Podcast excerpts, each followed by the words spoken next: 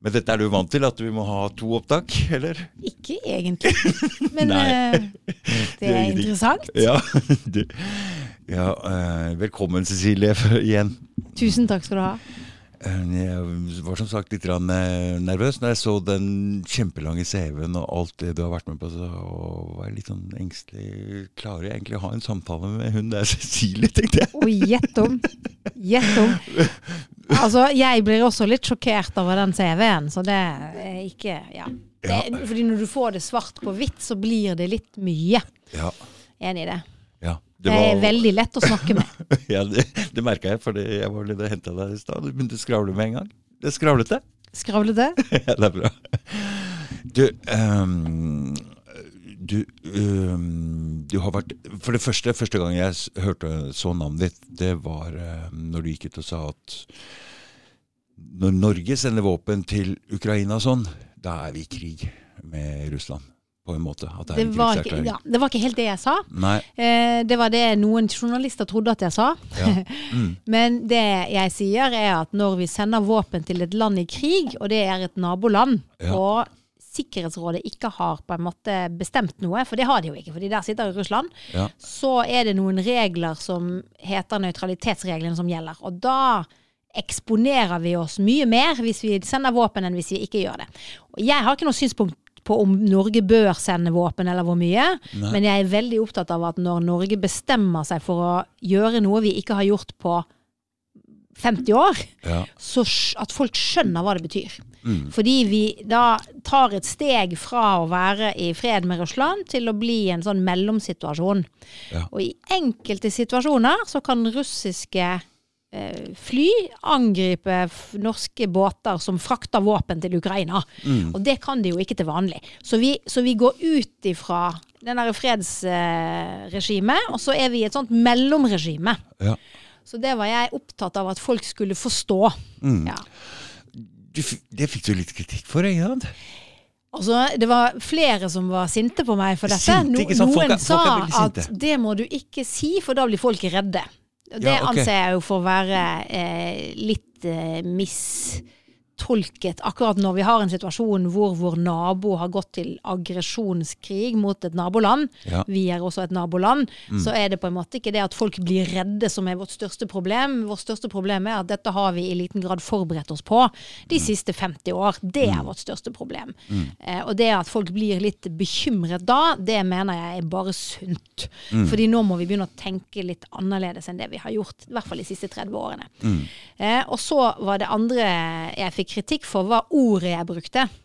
Jeg kalte oss for medkrigere. Og det var også egentlig bevisst, fordi vi har ikke et godt ord for dette her på norsk. Fordi det er ingen som jobber med denne materien i Norge. For vi har jo egentlig tenkt at krig mellom nasjoner, det er noe Europa er ferdig med. Så dette trenger vi heller ikke å forske på, og vi trenger heller ikke ha et vokabular for det. Så det var på en måte litt av mitt poeng også, å si at dette her må vi på en måte lese oss opp på og forske på, sånn at vi har et vokabular som er presist nok for den, den virkeligheten som, som vi lever i etter at Russland angrep Ukraina. Fordi det er en helt ny virkelighet Mm. for, for Norge. Du, jeg skulle gå inn på Wikipedia, og så og Wiki, heter det Google Wikipedia, Wikipedia der? Ja. Og så, på førsten så står det sånn Hun er Russland Men når jeg gikk inn Så det har tydeligvis vært noen inne og tulla med Wikipediaen din, og, men så har det blitt retta tilbake igjen. Å ja. Ah. Dette er ikke jeg så opptatt av. Nei. Det som Nei. lever på en måte sitt liv der ute, når man, når man deltar i den offentlige debatten sånn som jeg gjør nå, Mm. med relativt sånne klare eh, standpunkt på en del ting. Mm. Eh, ikke politisk, men basert på faglige eh, analyser eller faglige vurderinger. Så det er klart, da er det også til dels u, upopulært, og da får du litt skal vi si, folk som, eh, som ikke har noe bedre å ta seg til, og som bruker tiden sin på slikt. Og det kan ikke jeg på en måte bry Nei, meg med. nei. Så jeg er ikke på Twitter, og jeg er ikke på de sosiale plattformene hvor det, hvor det flyr mest eh, adjektiver. Fordi Ja. det treng, tenker jeg, det, det er ingen grunn til å, til å gjøre det. Jeg bodde jo, I oppveksten min så bodde jeg ganske mye rundt om i Norges land i mindre bygder. Ja. Ikke sant? Og der bodde jo bygdedyret. Ja. Og bygdedyret er jo særlig levende i sånne syklubber blant annet. Ja. Ikke sant? Hvor du vet at hvis du går dit, så får du høre alt negativt om deg selv og din familie Mm. og alle andre. Eller du kan la være å gå dit. Mm. Så jeg har på en måte tenkt at når du, når du opererer sånn som jeg gjør nå, i det offentlige, så skal man unngå Mm. å være på jakt etter rykter om seg selv. Fordi det, det finner man. Mm. Ja, og så er det jo Folk er sinte i kommentarfelt. Og det er ikke representativt for øh, vanlige folk, altså. Det er Men det, det er litt interessant. Jeg har jo vært en del i, på en måte i det offentlige ordskiftet egentlig helt siden Irak-krigen i 2003. Så Mm. det begynner jo å bli en snart 20 år siden. Og jeg merker jo en utvikling med at folk er mye mer aggressive nå, Mm. Nå, enn de var for, for eh, ti, bare ti år siden. var det helt annerledes. Ja. Men noen, som, noen ganger så sender folk meg beskjeder på mobilen min. Altså SMS-er og sånn. Oh, ja. Og når jeg da svarer, så er det akkurat som om de skvetter. Fordi de har ikke egentlig forventet at det skal være noen i andre enden. I hvert fall ikke noen som på en måte innleder en samtale. Nei. Og da, da eh, justerer de tonen én gang, eller de aller fleste Ja. gjør det. da. Ja. Og så har vi en konversasjon, og så skilles vi noen ganger som eh, forlikte, og andre ganger så er vi enige om å være uenige.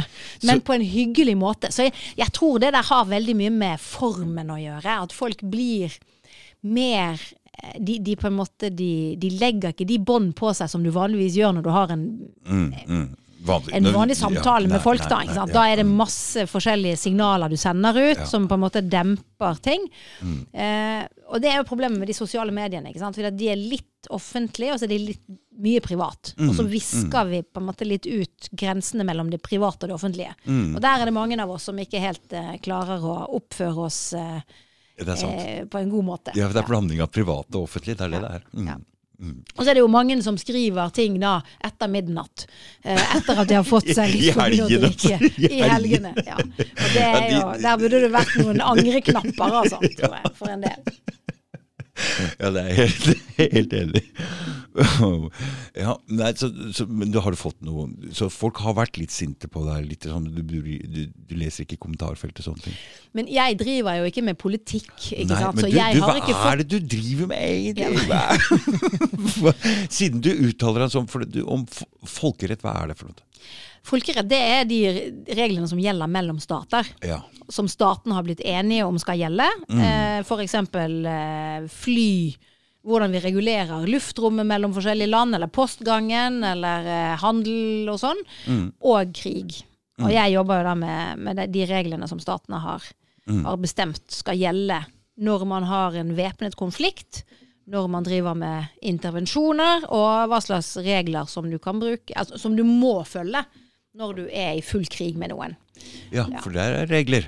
Der er det regler. Og det er regler som eh, de militære egentlig gjennom mange hundre år har utviklet. Mm. Fordi krig er ikke total ødeleggelse. Det har det aldri vært. Krig er en av de mest sånn regelstyrte mm. aktivitetene du kan tenke deg. Ikke Mm. Ja. I en militært hierarki så er det knallhardt. Mm. Knallhard justis. Ikke sant? Du følger ordre, eller så blir du Ja, puttet i kasjotten. Eller Ja. når det er krig, så blir du kan du bli henrettet? Ja. Mm. Det, og det er vanlig. At, eh, altså henrettelse i krig er fryktelig mye vanligere enn det vi helst skulle Mm. like. Og, og sånn, ja. Nå har den krigen i Ukraina snudd seg litt grann nå. Den har blitt litt hardere. Det- Du, er det vanlig, er det lov å bombe sivile mål forresten i en krig? Sivile mål fins ikke. Det finnes bare militære mål, Ah. og det er det eneste du har lov til å bombe. Ja. Men så er problemet det at hvis du Juster ned lyden hennes litt. Grann. Ja. Skal vi ta det opp igjen? Nei, nei, nei. nei. Å nei, du bare gir ja, sånn ordre midt under veien. ja, ja. Nei, fordi det, det betyr at hvis du, hvis du har et militært mål, og det er viktig nok, ja. så er det du som angriper som må ta den vurderingen om det påregnelige sivile følgetapet hos fiendens sivile, vel å merke vanligvis, Mm. er uproporsjonalt. Og hvis det er for mange sivile som kan risikere å miste livet, Mm. i forhold til hvor viktig det konkrete militære målet er, Mm. så er det en ulovlig, et ulovlig angrep. Da må du f.eks. vente til nest, til natten kommer, hvor det ikke er noen sivile i området. Ikke sant? Det, det er en del sånne regler som er ganske klare, faktisk. Særlig for den type kriger vi har i Ukraina nå, som er en krig mellom to stater. Der det er helt symmetriske størrelser. Ikke sant? Det er to hærapparater og, og, og to nasjoner som, Ja, ja. som bruker all sin kraft for å gå mot hverandre. Og da er det ganske klare regler. Og hvis du, hvis du bryter de reglene, så er dine egne ledere forpliktet til å straffe deg. Og hvis de ikke gjør det, så kan internasjonale domstoler gjøre det. Seinere, eller? Seinere. Eller hvilket som helst land i verden kan det. Hvilket som helst land kan Yes. gå inn og gjøre På den type kriger vi har i Ukraina nå, så vil også norske domstoler ha jurisdiksjon til å straffeforfølge eh, soldater som har eh, begått alvorlige brudd på krigens regler, altså ja, som det er- kvalifiserer for Og det er soldater, men jeg ser jo nå etter at eh, den eh, broa til Krim ble sprengt, så forandra krigen litt retning i å bombe strøm, ta ut ting i Ukraina. Russland svarte litt på det der. Ja, altså nå har det jo skjedd ganske mye i, i det siste. I september så gikk jo Russland hen og annekterte disse fire Mm, Eh, regionene som har kystlinje til Asovhavet. Ja, for da annekterte det dem. Ja, de flyttet egentlig den russiske grensen Ja. lenger inn i Ukraina, samtidig med at de mobiliserte. Og Ja. Det er også fordi at når du skal mobilisere unge russere til å dra i krigen, så kan ikke du sende de til utlandet. Sant? Den form for ja. mobilisering det foregår egentlig for forsvaret av oh, ja, landet. Oh, ja. Så da har du liksom allerede da flyttet grensene dit du vil at det nye okay, Så de Russland skal være. venter til etter annekteringa med, med den mobiliseringa? Mobilisere. Eller den Ah, sammenfaller. Fordi da kan du si at du skal mobilisere for å beskytte Russlands grenser. Fordi at det å begynne å samle inn folk fra gaten og sende de til utlandet, det, det er, lar seg ikke gjøre. Så da sender Nei. du de heller da til disse, disse nye russiske eh, eh, føderasjonene. Altså Mm. det er sånn føderative enheter som, som Russland nå har annektert. Mm, Og det som da skjer, er at antageligvis, eller min vurdering er at Moskva egentlig er på jakt etter å prøve å få lagt krigen i bero. Så eh, Moskva har gått fra en sommer hvor man ikke har vært interessert i noen forhandlinger, til en situasjon hvor Russland egentlig er interessert i å få ukrainerne til forhandlingsbordet. Mm. Og det du da gjør, det er at du bomber langt inn i Ukraina. Sant? Med da to typer eh, virkemidler, med droner som du kan kjøre langt inn, og så har du missiler som da? For dronene, de, For dette de, de, de metter da Dette har de ikke gjort før. Nei, ikke på den måten her. Det var, De var jo og bombet masse i vest i begynnelsen av krigen, men det var en helt annen fase av krigen. Mens nå er det ganske tydelig at den bombingen antageligvis har som formål å presse ukrainerne til forhandlingsbordet. For dette går utover sivilbefolkningen nå, det ikke sant? Mm. noe, noen av disse angrepene er helt åpenbart eh, krigsforbrytelser. Mens ja. andre av de er for så vidt rettet mot det som er både altså militært brukt eh, infrastruktur, som er det vi kaller for dual use, sant? flerbruksmål. Strøm. Ja. Og Mm. hvis det brukes militært i en krigssituasjon, så blir det et militært mål. Mm. Mm. Ja. For nå tar de ut strømmen og vannforsyninger og alt mulig sånt. Ja, det gjør du. Eh, og hvis det først og fremst rammer sivilbefolkningen, da blir det uproporsjonalt. Men hvis det har en klar militær eh, fordel, som er liksom direkte knyttet til noen militære eh, baser, f.eks., som er viktige for ukrainerne, så kan det være lovlige angrep. Okay, så dette, dette varierer veldig, og du må ha veldig mye informasjon om hvert enkelt angrep, egentlig, Klart det, klart for, å, Mm. for å se det. Og så kan du selvfølgelig se hele kampanjen til sammen, og det er mange som mener at det er da eh, helt åpenbart at russerne nå driver med det som kommer opp mot grensen til terrorbombing. Mm. Fordi det er så mange byer som, så, og såpass heftig bombing Mm. samtidig. Men eh, da har jeg jo hatt inne folk her som sier at hva med Natos krigføring? Der er ikke mye hensyn som blir tatt når de går inn og teppebomber i Afghanistan eller Irak eller legger det helt flatt. Hva? Du, men du veit jo noe om det? Da. Ja, det, dette vet jeg en del om. Og det er klart, eh, krig er noe annet enn fred, det vil jeg bare si. ikke Sant? Det å ha politioperasjoner eller spesialoperasjoner i en fredssituasjon hvor det er kanskje en del utfordringer med, med opptøyer og sånn, det er noe helt annet enn krig. Fordi at i en krig så har du, da har du to parter som bruker alt de har for, å, for å slåss mot hverandre. Og det er klart det blir blodig. Og det de, de bruker jo da vanligvis makt for å drepe og ødelegge Mm. infrastruktur hos fienden. Mm. Det er det som er formålet. Og det gjør at man, man, man ødelegger mye når Mm. det er en væpnet konflikt. Og det var situasjonen både da, eh, da Nato eller USA, den USA-ledede operasjonen, det var aldri Nato-operasjon i Afghanistan, det var en USA-ledet operasjon, gikk inn for å, for å fjerne Al Qaida i 2001, og så ble det jo til en annen type operasjon da, med, hvor man skulle på en måte gjenoppbygge sikkerhetsstyrkene og lage nytt Afghanistan, og så ble det Taliban var ikke med på leken, så da ble det jo en borgerkrig, egentlig. Eh, hvor vi støttet afghanske myndigheter. Og den ble veldig eh, blodig. Eh, og det, men det var litt sånn, ja, Mm, borgerkrigen, eller den krigen mot Taliban. Og så har du de operasjonene som vi har hatt f.eks. mot IS i Syria og Irak, hvor IS hadde tatt byer, og de byene skulle gjenerobres. Og det er litt av, den sam, litt av det vi ser også i Ukraina. Det, det er en erobringskrig hvor noen har erobret et område, og så skal du gjenerobre det området. Og det er klart, da blir alt lagt til Altså, alt blir eh, egentlig lagt i grus. Dette her har vi sett i Aleppo i Syria, i Mosul i Irak, i Sada i Jemen. At den type kriger som det har kommet tilbake igjen de siste åtte årene, egentlig. Med, med erobringskrig, hvor man bruker mye luft. Eh, ikke sant? Fly, droner og missiler av forskjellige typer. Og så bruker man bakkestyrker, så bruker man noe tanks. Men man ender opp med å virkelig legge hele, Hele- områder hele, totalt, totalt eh, ødelagt. Mm. Ja. Og da går det jo med sivile. Da går det med sivile. Og så er spørsmålet blir de evakuert eller ikke. Mm? Og det som er problemet for, for altså russerne i de områdene i Ukraina som russerne har okkupert, det er da er ru- russerne en okkupasjonsmakt. Mm. Der har de egentlig også en plikt til å beskytte sivilbefolkningen, selv om det er fiendtlige sivile. Mm. Og noen av de sivile som bor i russiske områder, de har jo blitt evakuert inn i Russland. Mm. Men da kommer jo spørsmålet ja vel, hvor lenge skal de være vekke da? Sant? Så da begynner man å snakke om at de tvangsevakueres bort fra Ukraina. At det er en slags form for etnisk renskning. Og så begynner man også å snakke om barna som hentes ut. Er dette her egentlig kidnapping? Så det er jo noe med det der med å definere hva er det partene egentlig gjør. Og da, i en krigssituasjon så vil du alltid ilegge fienden de verst tenkelige motiver. Klart det. Det ligger på en måte i sakens natur.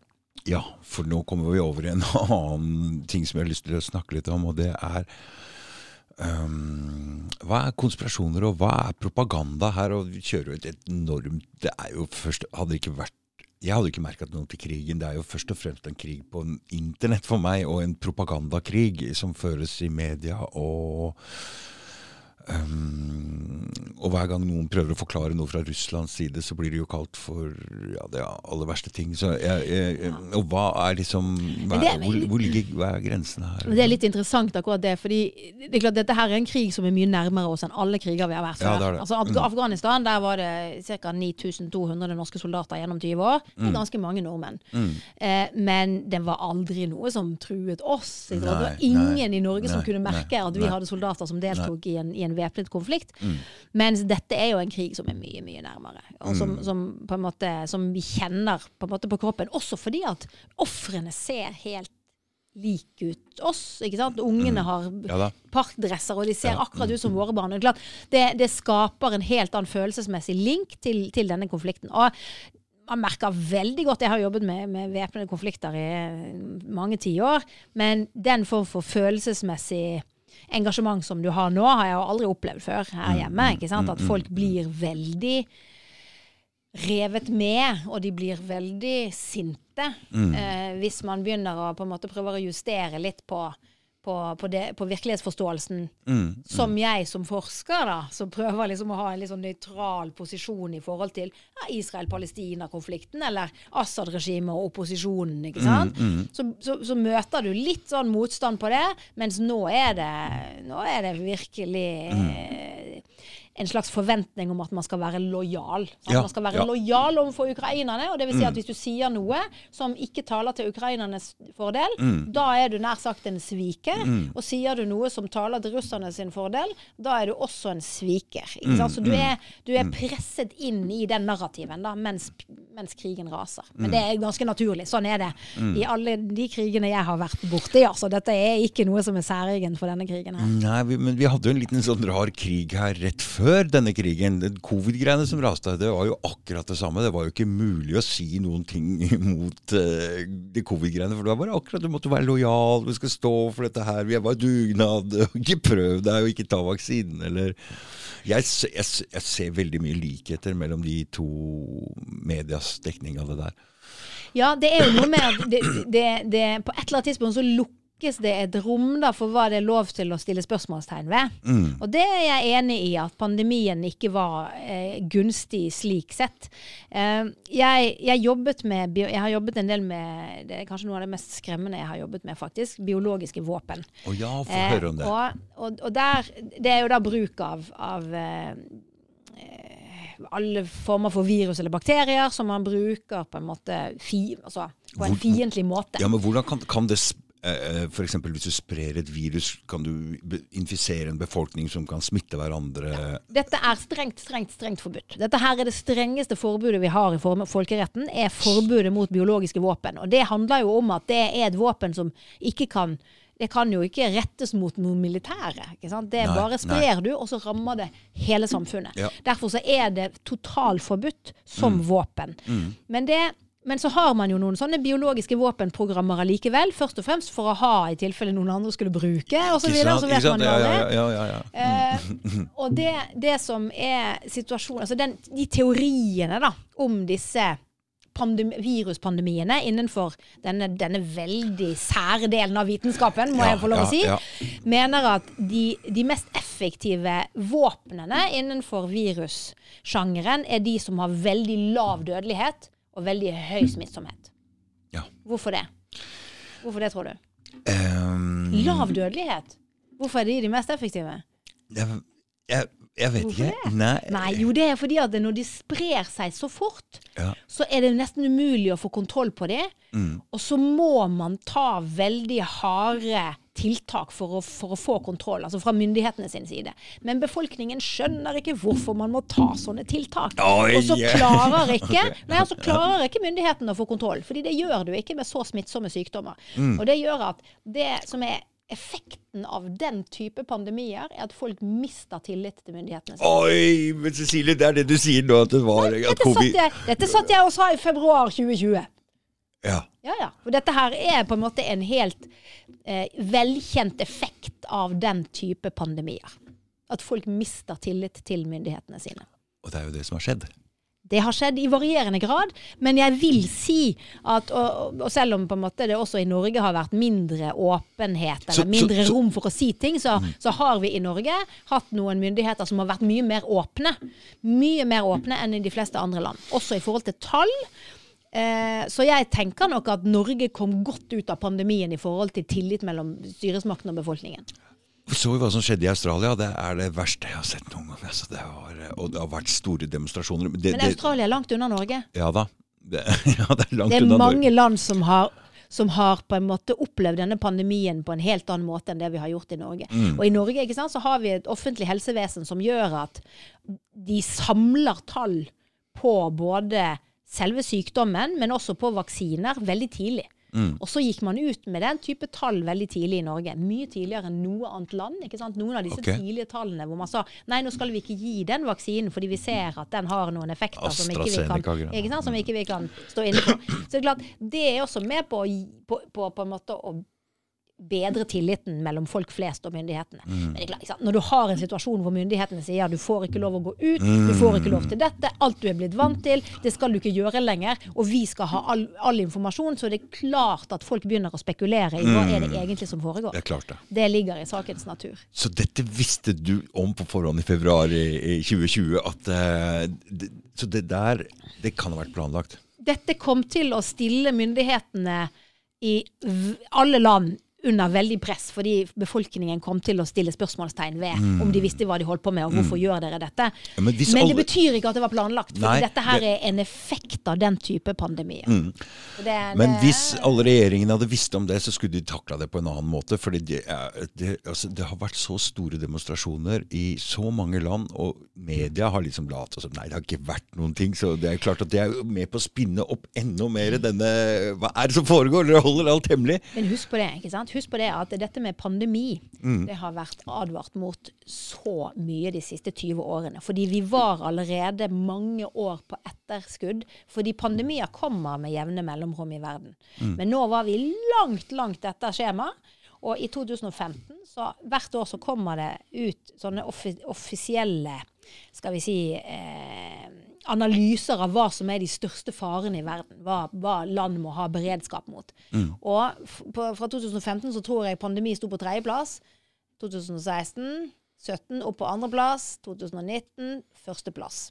Og det, da hadde man også annet i 2019 en, en internasjonal eh, øvelse. Hvor man Ja, øvde seg jeg på husker akkurat rett, ikke sant? ja. Det var egentlig ingen regjeringer som tok det så seriøst. Ikke sant? Nei. Man tenkte ikke at dette her var noe man trengte egentlig å forberede seg på.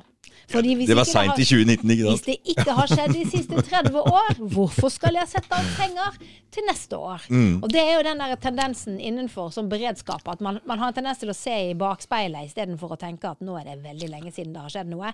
Da bør vi være forberedt. Jeg merker nå at uh, Jeg blir jo påvirka av alle som er her, Cecilie. Og jeg merker jo at du klarer å kanskje pelle av meg litt konspiratoriske tanker uh, i løpet av denne tida her. Eh, Men, men vi kan godt snakke litt mer om konspirasjoner. mm, mm, Fordi det er en interessant ting.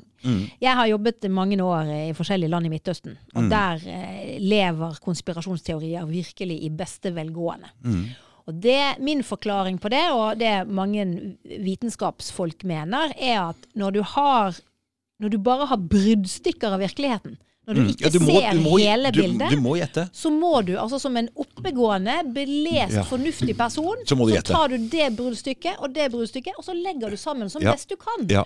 Mm. Og så jo, fungerer jo hjernene våre slik at hvis du har fått en teori, så begynner du hjernen din begynner å se Mm. Ja, etter beviser for Ja, din ja, teori. ja, og ja, så ser du hele Mm. tiden Mm, det som mm. bekrefter den, og de tingene som motbeviser den, nei, det ser du ikke. Sant?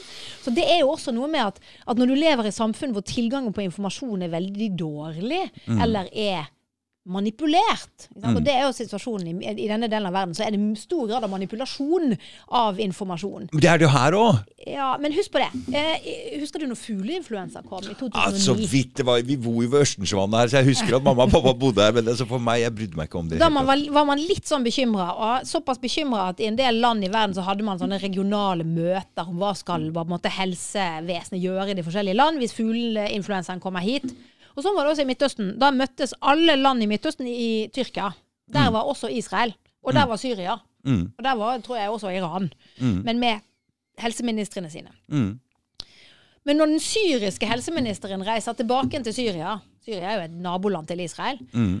Så blir det ikke sagt at eh, vi var sammen med alle helseministrene fra hele Midtøsten for å planlegge det de sier der. Vi var der, alle de muslimske landene, for å planlegge det som er en beskyttelse mot fugleinfluensaen, som er et israelsk biologisk våpen. Mm. Det er liksom det du forteller til hjemmepublikummet ditt. Det er en helt annen historie enn det som faktisk har foregått. Mm. Og folk etter hvert, de merker jo at Men det som sies, er ikke det som er sant. Mm. Så når du i tillegg i tillegg til bare å ha bruddstykker av sannheten, også vet at det som fores til deg fra myndighetene, det må du i høyeste grad ta med en klype salt, Mm. Da har du et fabelaktig Ja, for for, da vet jeg, konspirasjonsteorier. nå veit jeg hvorfor du mente at Midtøsten lever i konspirasjonsteorier i beste velgående. Og da snakker vi om jøder, ikke sant? Det kan være Iran, det kan være jøder, det kan være amerikanerne. Amerikanerne er, er også veldig lite likt, ikke sant? Og det kan Mm. være sågar franskmenn, eller ikke sant? Altså det, Mm. det kan være mellom Mm. forskjellige typer konspirasjoner, altså. Eh, og de som har makt, vil på en måte etter hvert eh, havne der, ja. Det er ikke rart, sånn- for la oss si at et firma som har et sånt De har jo strategier, planer, de legger fra seg telefonen, og de, de legger strategier som er hemmelige. Ja. det er jo på en måte å konspirere, Cecilie. Og hvis vi skal sitte og gjette, da er vi konspirasjonsteoretikere. Hvis vi tenker ja, jeg lurer på om de der har altså det, blir jo, det blir jo litt sånn, da. Ja, det kan du si, men jeg tenker at det, noe er jo legitimt, ikke sant. Eh, noen noen deler av statsmakten opererer med hemmelige ting. fordi at det skal ikke komme noen andre inn og ødelegge. nei, ikke sant? ja, mm. Men det betyr ikke at de er ondsinnede nødvendigvis. eller at? Formålet kan være godt, og for så vidt virkemidlene gode Mm, ja, også. Ja, ja, ja. Eh, Når det gjelder eh, private selskaper, så er det jo også? Det handler jo om å ikke eksponere dette for Ja, konkurrenter. ja, ja, At noen ikke skal mm, ødelegge. Så det er også på en måte legitimt hemmelighold. Men det som er, tenker jeg er litt av problemet i vår, vår verden nå, er at folk har mistet litt sånn oversikten over hva som egentlig foregår. Og det, det er veldig fragmentert nyhetsdekning. Og så kan du få Du kan være på mange forskjellige flater, og så får du egentlig bare fi Du får på en måte dette ekkokammeret ditt, da. Så du blir ikke eksponert for andre måter å se ting på. Og for mange folk så, så, så slutter man å, å helt ha oversikt over det store bildet. Og da begynner du plutselig å legge sammen to pluss to pluss to pluss to, Ja. og så blir det 17.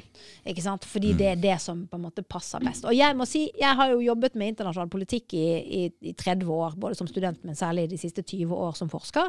Og jeg opplever nok at folk i dag, selv om de har tilgang på veldig mye mer in kilder og informasjon, forstår på en måte mindre av Å, de store trekke, utviklingstrekkene internasjonalt. Det er derfor jeg skriver, har skrevet denne siste boken min, også for å prøve, liksom å vise det der store eh, isfjellet over og under vann. Hvordan er den store strukturen?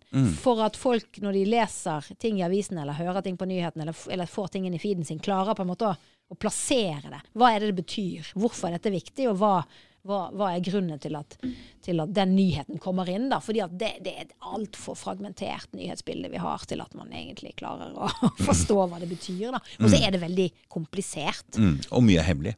Mye hemmelig, men det er særlig komplisert. Se på strømprisen, for eksempel. Ikke sant? Hvem, det er jo en enormt mye krangling mellom miljøer som kan mye om dette. Om hvordan dette systemet egentlig fungerer optimalt. Ikke sant? Det er ganske teknisk og, og utilgjengelig sånn sett. Sant? Og så kan du si, hvis du setter det tilbake så er det jo klart at det store bildet, det forstår alle. Eh, enten så eier du strømmen, strømmen din sjøl, eller så, så gjør du ikke det. Ikke sant? Og det Ja. er liksom det som er det avgjørende. Men, men det er en sånn kompleksitet da, som gjør at jeg tror det gir veldig grobunn for konspirasjoner. Også fordi folk, folk vil ikke ha det der veldig komplekse, de vil ha det mye enklere. Det er helt klart. Sant? Og da, da slutter de på en måte det sjøl, og så igjen da, så begynner de å, å selektere ut de tingene som, Men som så- under, underbygger det bildet man har. Altså, ting er veldig komplekse. Bare jeg skal fortelle en historie om meg og en, så må jeg jo forenkle. Alt må jo forenkles hele tiden. Men folk vil ha det veldig, veldig, veldig veldig enkelt. Men, jeg, men jeg, jeg er litt uenig i det, da, for jeg tror folk egentlig eh, Så late er ikke folk. I min erfaring. Og jeg reiser ofte rundt og holder foredrag og sånn. Jeg opplever at folk er eh, Man skal ikke forenkle for mye. Man skal på en måte tenke at folk klarer å tenke ganske mye selv. Fordi når du sitter og snakker med folk, helt uavhengig av hva slags bakgrunn de har, eller altså, er det voksne folk som har levd en stund, så forstår de ganske så mye. Hvis du bare forklarer det til dem på en måte som er, er forståelig. Ikke sant? Og, da, og det tenker jeg, det, det trenger vi mer av. Jeg tror det er informasjon og diskusjon da, som er det beste botemiddelet mot konspirasjonsteorier. Fordi at, og særlig at fagfolk også for så vidt diskuterer. fordi da får du, da får du vist at det er ganske komplekst, dette her. Det er ganske vanskelig. Det, jeg skal bare si én ting. Den der siste boken som jeg har skrevet om Ukraina-krigen. Ja, 'Dårlig nytt fra østfronten'. Ja, for du har gitt ut bok. Hvor er boka? Boka er Den har jeg faktisk her. Dårlig nytt fra østfronten. Ja. den? Krigen som endrer alt. Mm. Eh, og det er jo en bok som handler om hva betyr Ukraina-krigen for Europa og for Norge. Oh, ja. Og det er for å prøve å vise folk at dette her gjør at vi Det er mange vanskelige tema som kommer mot oss fremover. Og det finnes ikke noen, egentlig noen enkle løsninger på det. Og jeg er veldig opptatt av at folk skal forstå hvor krevende dette er for oss, sånn at vi har en diskusjon om Ok, hva gjør vi nå? Skal vi, liksom, skal vi tilbake igjen til, eh, til allmenn verneplikt? Skal vi ha liksom en, en norsk soldat på hvert et nes? Kan ikke det. ikke sant? Vi, hva skal vi gjøre med disse 9000 km med gassrørledninger i, i, i Nordsjøen? sant? Mm. Vi kan jo ikke beskytte de. Ikke ikke. Skal vi bli medlem av EU, ja, men da er det jo Brussel som bestemmer. Skal vi stå utenfor, ja, men da står vi jo helt alene. Ikke sant? Det er en god del av disse her problemene her som kommer i kjølvannet av krigen i Ukraina, Mm. som jeg er opptatt av at folk skal forstå. Her finnes det ikke noen enkle løsninger. Og det er jo delvis for å si den dagen if the shit hits the fan, Mm. så skal folk ha for det første tenkt igjennom hva som nå kan skje. At vi er i en helt annen altså vi er eksponert på en helt annen måte enn det vi har vært vant med, i hvert fall de siste 30 år, men jeg mener kanskje til og med etter andre verdenskrig. Mm. Så må folk ha tenkt litt over det. Sant? Hvordan skal jeg forberede meg hvis dette her skulle skje? Hva, hvordan skal jeg liksom tenke på muligheten? Så det er nummer én. Og nummer to, hvis det skjer, så reduserer du mulighetene for eksterne aktører til å komme inn og begynne med sånne påvirkningskampanjer. Ikke sant? Fordi da har folk tenkt igjennom Mm. dette her sjøl. Og da har du allerede fått opp en sånn guard. ikke sant? Mm. Og det gjelder ikke bare russerne, det kan være med andre stater eller andre aktører som er interessert i å påvirke. Så jeg tenker at sånn generelt så det å ha den type diskusjoner, hva skal vi gjøre, Mm. det hjelper oss mot den type utenforstående aktører som ikke har nordmenns eller Norges beste for øye, ikke sant? men som kommer utenifra. Og så er det det tredje. Jeg vil ikke at folk skal konkludere med at vi er styrt av uh, idioter. ikke sant? Altså For å tenke ja, men norske myndigheter de har ikke tenkt på dette her, og se, de er ikke forberedt, og se, her har de ikke klart det. ikke sant? Jo da, det har de. Det har Ok. de. Poenget er bare at det er ikke noen enkle løsninger. Sant? Mm. Og hvis vi snakker oss gjennom de, så tenker jeg at det, det som jeg opplever som det viktigste vi har i Norge, det er den tilliten mellom folk flest, Det- mellom hverandre og Ja. mellom myndigheter og folk flest. Det- Det, er vårt arvesølv. Det, det argumentet har jeg faktisk vært borti tidlig i pandemien, og det måtte jeg bare bøye meg unna for å si at ja, det skjønner jeg, jeg forstår det. Men eh, da er det litt opp til myndighetene òg, at vi kan ha tillit til dem. Det, Ja, jeg er helt enig. Du må jo gjøre deg fortjent til den tilliten, Og det som skjer nå, er det er mer og mer hemmelighold fra dem sin side. Mer og mer eh, 20 år, alt skal være hemmelig. Og mer og mer overvåking av befolkningen. Eh, jeg ser ikke det går riktig vei, det der. Nei, det gjør ikke det. Det, det går ikke riktig vei. Og det har, det har nok med mange ting å gjøre. Eh, og det som er en av utfordringene våre, er jo digitaliseringen. ikke sant? Fordi Ja. digitaliseringen betyr at det, Digitalisering er jo egentlig informasjon. Mm, Så det fins mer og mer informasjon om Mm. oss alle. mm. Og det vil gjerne myndighetene ha, fordi det gjør det mer effektivt Ja, og enklere Mm, og mm, billigere. ikke sant? mm. Problemet er at noen blir sittende med fryktelig mye informasjon om deg, mm. og det er utøvende myndighet. Så de blir på en måte mektigere og mektigere Mm. på bekostning av alle Men andre. fram til nå er det vel private aktører og kommersielle interesser som driver den overvåkinga som er gjennom telefon, internett og sånne ting. eh, Nei, altså nå snakker vi jo, det vi snakker om nå, er jo om norske myndigheter skal ha anledning til å overvåke eh, trafikk i Norge. Sant? Det altså norske er- etterretningsmyndigheter. ja, det- Men da må du huske det, på Det spørsmålet, ja. Mm. ja, altså Etterretningsorganisasjonene fra af- alle, alle land i verden Ja. har jo anledning til å overvåke oss i Norge. Ja ja, for de, de, det er jo ikke noe forbud for de. Nei. Nei. Nei.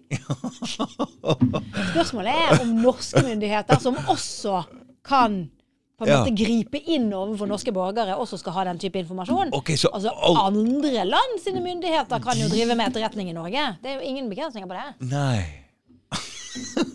Så jeg har alle ting som er viktige hos meg, Ja. skriver jeg i en bok. Ja. Jeg har fortsatt penn. ja. Det jeg, det, det, men, det, men det skal være helt enig med deg. Altså det jeg har elektronisk, Mm. tar jeg utgangspunkt i at kan ses.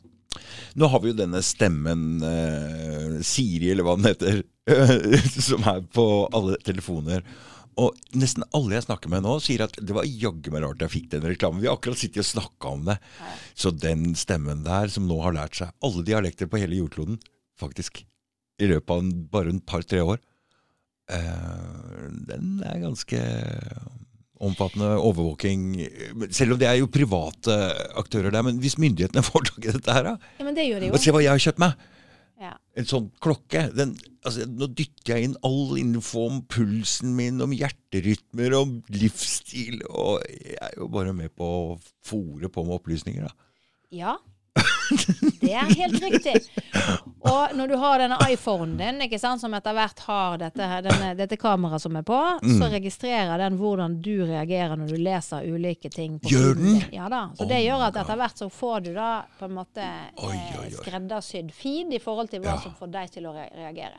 Og det gjør jo at du ender opp med en sånn dopamin... eh, greie. Ja. Det er jo drugs by other means, på en måte, da, Ja.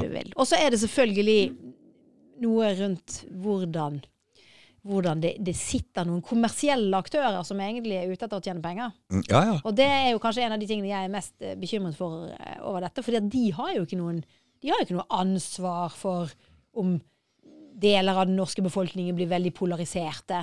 Så lenge de tjener penger. De sitter på andre siden av jorden. Mm. Eller for så vidt, vi, mm. eier de jo vi også gjennom oljefondet, så vi blir jo for så vidt rikere. ja. Og det er jo også et paradoks, altså. At vi tjener penger på en del av disse mekanismene som er i ferd med å virkelig Ja, for der er du, vårt det, det så jeg i. CV-en din. Du, du sitter i Oljerådets etiske fond. Ja, oljefondets etiske råd Ja, ja, ja, ja, ja. Det er riktig. Det var nesten Ja, det, og sant, oljefondet, eh, Dette her er oljefondet utland, som er Ja. investert i alle andre land i verden unntatt Norge. Og vi eier 9000 selskaper, og er det største eh, statseide fondet i verden, faktisk. mm. Hvorfor kan vi ikke investere i Norge, Cecilie? Nei, Tanken her er jo at man skal hindre Inflasjon. Eh, inflasjon annet, og en, en del andre årsaker også. Det handler om sånn balanse og sikkerhet og sånn. Eh, og spørsmålet om hvor mye av oljefondet som skal brukes i Norge hvert år, det er jo en en politisk diskusjon som jeg ikke for så vidt vidt for det, når jeg spurte deg når jeg satt i bilen, har vi noe oljefond? For jeg ser ikke vi bruker noe For det er jo bare troen på Norge som gjør at tilflytning og lån og økonomien går som skal. Så. Ja, Vi bruker jo en del av oljefondet hvert år. Okay. Det kommer ganske mye. Og en del av det kommer fra oljen, og en del av det, veldig mye av det kommer fra finansmarkedene. Så vi, vi, det er jo en god del av det som nå kommer inn i budsjettet hvert år, som kommer rett og slett fra finansmarkedene. Eh, og så går heller liksom inntektene fra olje rett inn i finansmarkedene. Så det er liksom til en viss grad er liksom gangen i det. Eh, nei da, vi bruker en del av oljefondet. Ja. Vi gjør det, men vi har en handlingsregel som sier at du har ikke lov til å bruke mer enn 3% eller 2,5 ikke sant? Og så er spørsmålet skal den opp eller ned i forhold til avkastningen som blir større. Og det som blir utfordringen vår, er selvfølgelig at vi kommer til å tjene ganske mye penger på denne krigen her. Og vi tjener penger både på at Russland har gått til krig, og vi tjener penger på mot krigen fra vestlige land. Fordi at det gjør at våre råvarer blir mye mer eh, ettertraktet og nødvendige osv. Og, og det, det er jo en utfordring vi har. At eh, på denne, denne krigen i Ukraina, som er veldig viktig for Norge, at ukrainerne vinner. Samtidig er det en krig vi tjener penger på, så vi på en måte blir sett på i økende grad som en krigsprofitør. Og det Ja, det har jo sine sider. ja. Ja. Hvorfor er det så viktig for Norge at uh, Russland ikke tar den lille biten av Ukraina? Det er fordi eh, det Russland har gjort, er i realiteten å si at vi ønsker oss en del av Ukraina, og hvis ikke vi får det med fredelige midler, så går vi inn og tar det med militærmakt. Mm. Og okkuperer dette landet. Det er en form for virkemiddelbruk som verden ikke aksepterer etter andre verdenskrig. det skjønner jeg, men la oss si at menneskeliv skal være det viktigste, um, altså det mest hellige, det viktigste, um, størst verdi. Det er, din, det er ditt utsagn. Eh, ja, det er mitt utsagn, men jeg liksom trodde kanskje at det skulle være sånn, da. Da kunne det jo vært, ja, ta den biten der, da, istedenfor å ofre 600-700 mennesker hver eneste dag. Jeg vet ikke. Er det verdt det? Det kommer jo litt an på hvordan man tenker på dette. Altså, det man frykter det, det veldig, er jo, at, Det er jo litt stygt at vi dytter ukrainerne inn i den greia der. Det er jo de som dør. krig er alltid stygt. Og de krigene vi har hatt de siste årene, har i stor grad vært stedfortrederkriger, hvor det er eksterne makter Mm. som har bestemt at denne krigen skal befinne seg på det f.eks. syriske territorium, Mm. eller i Libya, Ja. eller i Ukraina. Ja. Der skal vi slåss ut den krigen, som Mm. egentlig til en viss grad også handler om andre makter sine interesser. Mm, er sånn er det også i Ukraina. Sånn var det i Syria eh, fra 2013, i Jemen fra 2017. Ikke sant? Det er måten verden styres på i dag, fordi vi, verden er stor, men den er også veldig liten. Sant? Mm. Og ukrainerne har havnet i, i den kryssilden der. Mm. Så dette her handler jo også om veldig mye mer enn Ukraina for lengst. Dessverre for ukrainerne. Mm. Og så har vi også bestemt oss for at denne krigen skal ikke eskalere utover Ukraina. Og det betyr også at det er ukrainerne først og fremst som skal slåss den. Ja, det er brutalt og rått, Mm. og helt for jævlig for å være Mm, ja, det er helt for jævlig. Det er helt for jævlig. Det er jeg enig med deg. For jeg er glad jeg ikke er ukrainer, for å si det sånn. Ja, det kan du si. Eh, men tilbake igjen til det at vi sitter og tjener penger på denne krigen, er jo også sånn i det lyset eh, ikke helt eh, Helt greit. Jeg er ikke helt komfortabel med den situasjonen, for å si det sånn. Nei, eh, kunne vi ikke bare solgt gass og olje og sånn til vanlig pris, eller må vi skru opp eh, strømprisene? Hvorfor må Men vi det? Nei, altså det som er Problemet er at gassmarkedene er ikke regulert internasjonalt på samme måte som olje, oljemarkedene er. Men, eh, men, eh, men jeg må jo si, jeg er jo ikke politiker, og skal jo egentlig ikke mene noe om dette, men jeg tenker nok at en ting vi kunne ha gjort tidlig i krigen, var å si at vi instruerer Finansdepartementet til å regne ut hvor mye penger Norge tjener på denne krigen. Mm. På økte olje- og gasspriser, på liksom det som skjer i finansmarkedene. Og Ja. de pengene der de skal settes av på et eget fond som Mm. heter Ukraina-krigfondet. Og det skal brukes til å hjelpe ukrainerne med for så vidt med våpen, men i hvert fall også med, med helsehjelp til skadde soldater.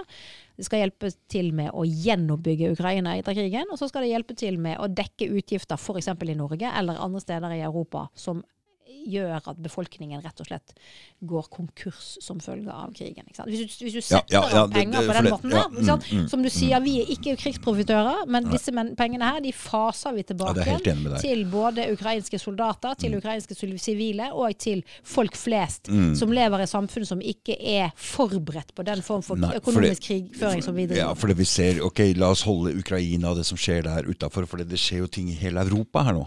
Folk går konkurs, folk eh, kommer til å sulte og fryse og sånn. Og jeg er helt enig. Noe av de penga kunne gått til det. Ja, og da kunne vi også, da hadde vi jo i hvert fall sluppet å bli sett på som krigsprofitører. Og så Ja, hadde vi ja, uansett, at det er riktig, da. Ja, og så hadde det vært riktig å gjøre. Ja, jeg mener det hadde vært riktig å gjøre. Og så er det også noe med å tenke litt strategisk. Mm, Fordi ja, Norge er et lite land, og vi er utenfor mm, EU. Og det begynner å bli eh, tøffere tak i våre relasjoner også til våre andre naboland. Etter hvert som, som de også må tenke på sin egen befolknings på en måte vel og ve økonomisk, blant Mm, annet. for Og det å- er litt å- spesielt Og det å gjøre en slik ting da, da, da markerer du noe i Mm, forhold til mm, mm. hvor du står. sant? For det Stoltenberg er jo også norsk. Ikke sant? Og det blir jo litt spesielt at det er han som står og, og skal ha denne krigen, og så står Norge og tjener masse penger på det. Og øh, det ser ikke så pent ut. Men jeg er nok ikke enig i at det var Nato som skulle ha denne krigen. Jeg tror det var en, Jeg vet at du ikke er det var enig i det. show, push come to shove, egentlig. Og så er det jo klart det er en del ting i historien her som har bygget opp mot denne krigen. Mm, mm. Men man trodde i lengste lag at man kunne unngå den. Og det, jeg prøver også å skrive litt om det større geopolitiske bakteppet for hvorfor Russland valgte å gjøre dette. Mm. For det er jo åpenbart at det var en veldig høy risiko for Russland å gjøre det de gjorde. Mm, Eh, men at, og det var noen vurderinger der som var åpenbart feilslåtte. Men, men, men min lesning er at grunnen til at russerne gjorde det, var pga. den tiltagende stormaktsrivaliseringen mellom Kina og USA. Fordi den kommer til å bli veldig heftig de neste årene. Og russerne er litt sånn i skvis. Og det de, de ønsket å på en måte sikre seg noen ting før det virkelig tar helt av. For du, du ser Du ser flere ting i krystallkula di her. Ja, vi er, på, vi er i et stormaktsløp nå, som handler først og fremst om en sånn teknologikappløp, egentlig, Mm. mellom USA og Kina. Mm. Gjett hva slags telefon og klokke jeg har, da. Huawei. jeg sender infoen min til Kina. Ja. Mm. Det gjør du, men vi får se hvor lenge det varer. Vi får se hvor lenge det varer. Fordi det, er, det tilspisser seg veldig mellom amerikanerne og kineserne på, Mm. på dette med teknologi. Mm.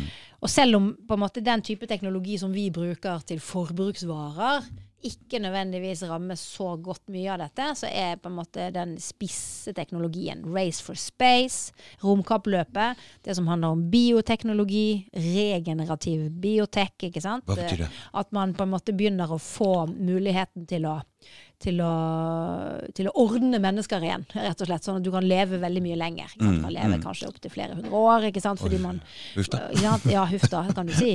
Men, eh, men dog enkelte utvalgte, da, åpenbart. Ja. Eh, ja, det er ikke plass til alle. ja, og dette med kvanteteknologi, altså kvantecomputing, som er et sånn enormt teknologisk gjennombrudd som ikke er så langt unna, som vil revolusjonere hele verden. Prater vi om AI og sånne ting? Ja. Ja, vi, vi, vi vet ikke egentlig hva vi snakker om, men vi snakker i hvert fall om, om eh, ting som Altså, vi snakker om eh, datakapasitet som er av en helt, helt, helt annen type enn den vi har vært kjent med. Så det, vi lever liksom litt sånn i steinalderen nå, da. Nå! Ja. Oi! Den, den britiske MI5-sjefen, altså etterretn, utenlandsetterretningssjefen, sa det i sin tale i november i fjor, at prediksjonen er at de neste ti årene så kommer teknologiutviklingen til å gå lenger enn de siste hundre. Mm. Og endringene for samfunnet vårt kommer til å bli omtrent på linje med den industrielle revolusjonen. Vi går noen rare, spesielle tider i møte. Men Er vi, er vi for mange folk, Cecilie, på jordkloden? Er det en tanke som For vi, vi har jo hatt disse ja, Er det det de mener, disse som styrer? At vi er litt mange? Nei, alle vet at hvis vi hadde hatt en fordeling som var riktig, og hatt en, en forvaltning av naturen som var eh, riktig, så hadde vi klart å være så mange. Mm. Men med det systemet vi har i dag, så vet jeg ikke. Altså, dette, jeg er bekymret for befolkningsutviklingen. Det har jeg vært i ganske mange år, egentlig. Jeg, jeg er jo det som heter maltusianer. Nei, hva Jo, betyr det? maltusianer, da, da, da er man tilhenger av Malthus sine teorier om at enhver, skal vi si, biologisk rase, eller eh, en type dyr, da, Ja. vil øke bestanddelen sin. Ikke sant? Antallet dyr øker og øker og øker, og øker, og så plutselig får det en sånn enorm eksplosjon, og så når den en peak, og så blir det nesten helt utryddet. Den, det, det, det, det museforsøket? Dette her er én måte å forstå historien på. Fordi jeg leste om det der han hadde gjort for 25 ganger, eller noe sånt, og hver gang det skjedde samme, han tenkte må være noe feil her. Ja, Gjort altså, det så levelig og bra, og så nei. Nei, men? Det, det tilsier at hvis man, hvis man presser befolkningsveksten for høyt, Ja. så får du et fall. Ja. Og jeg ønsker jo at vi skal ikke få det fallet. Jeg tenker Mm. at det, det skal vi klare å unngå. Altså hvis, vi, hvis vi kaller oss på en måte for moderne sivilisasjoner, så Mm. må vi klare å unngå eh, det fallet. Eller i hvert fall å styre det fallet, da. Mm. Slik at det handler om at man ikke reproduserer seg, eller det handler på en måte om den type ting. At ikke det Mm. handler om at mm, veldig mange mennesker må, må dø premature døder, på en måte. Men at Mm. man på en måte klarer å, å være med. Fordi det som er utfordringen vår, er jo selvfølgelig at, at den økologiske degradasjonen gjør at det blir jo det blir jo mindre og mindre matjord, f.eks. Og det, det skjer ting med havet som er veldig negativt. og sånn. Veldig. veldig. Men, men, men igjen, da. Vi lever i veldig spesielle tider fordi vi har disse teknologiske gjennombruddene. ikke sant? Og hva kommer til å komme ut av det? Mm. Jo, der kan det ligge en del løsninger. Men så er jo spørsmålet har vi, har vi politiske ledere som på en måte er ødslet for å ta dette riktig vei? Mm. Kanskje. men det er jo også det store spørsmålet. ikke sant? Men, vi, men jeg tror nok at vi må konstatere at vi lever i fryktelig eh, usikre, men spennende tider. Og den form for omveltning som vi står oppi nå, den er alltid et stort mulighetsvindu. Ikke sant? Fordi da kan man få gjort noen ting med de delene av verden som tross alt ikke fungerer. Det har fungert ganske godt for oss. Ja. Vi er jo liksom Ja da, ja da. Ja, ja. Men eh, Mm. folk flest altså lever ikke som oss. Og, og hvis de hadde gjort det, så hadde jo kloden ikke kunne hatt så mange mennesker. Nei. Eh, Jeg har jo, jeg har jo sånn tanke om at de vil omfordele, og det betyr jo for Norges del at vi må ned i, vi må ned i levestandard. Det er alltid en veldig smertefull prosess. Det blir mye skrik. Ja, i hvert folk fall. blir sinte, og- ja, ja. ja, og så blir det jo sånn når vi ser Vi har jo alle de ressursene! Ja. Ikke sant, så det blir litt vanskelig. Så vi gir oss akkurat Men du ser de kniper. De kniper på alt. Lite grann. Skoler, De kniper litt, litt, litt, litt, litt. Samtidig så ser vi at Norge tjener veldig mye penger, så um, det er vanskelig for folk å godta. Og det er ikke um, Det å leve i en sånn fryktsituasjon hvor du ikke har Hvor du ser at økonomien din et eller annet sted i framtiden kommer til å krasje, det er ikke Det er ganske mm, Jeg vet om mange jeg er ikke sånn. Men nå er vi, det mange som er i den situasjonen, Ja, helt åpenbart. ja, ja. Også fordi man ikke har blitt informert, egentlig. ikke sant? Man har ikke fått beskjed om at ja, du kan godt ta dette her i lånet, og dette kommer til å gå bra, men eh, husk på at det kan krasje en dag. Ikke sant? Det, det, det er ikke Nei, vi har gjort det det er ikke så til stede at folk på en måte Nei. naturlig tenker på det. Det det Det ikke. burde de, fordi når du skriver under på det gjeldsbrevet der, så står det at du er ansvarlig uansett hva leiligheten din er verdt etterpå. Altså. Det gjør det. Men det er lettere for oss som har levd gjennom et par av disse krekkene. Da. Ja, for jeg, jeg, jeg, jeg husker Aftenposten var full av uh, tvangsaksjoner. og Jeg satt jeg på en sånn tvangsaksjon en gang, og det gikk en sånn fireroms på Bislett for 180 000. Og folk satt jo igjen bare med gjelda. Ja. Uh, og det kan skje igjen. Jeg har vært redd for at det skulle skje lenge. Men nå, med coviden, med pengetrykkinga, med matvarepriser, med strømpriser, nå er det nødt til å skje, tror jeg.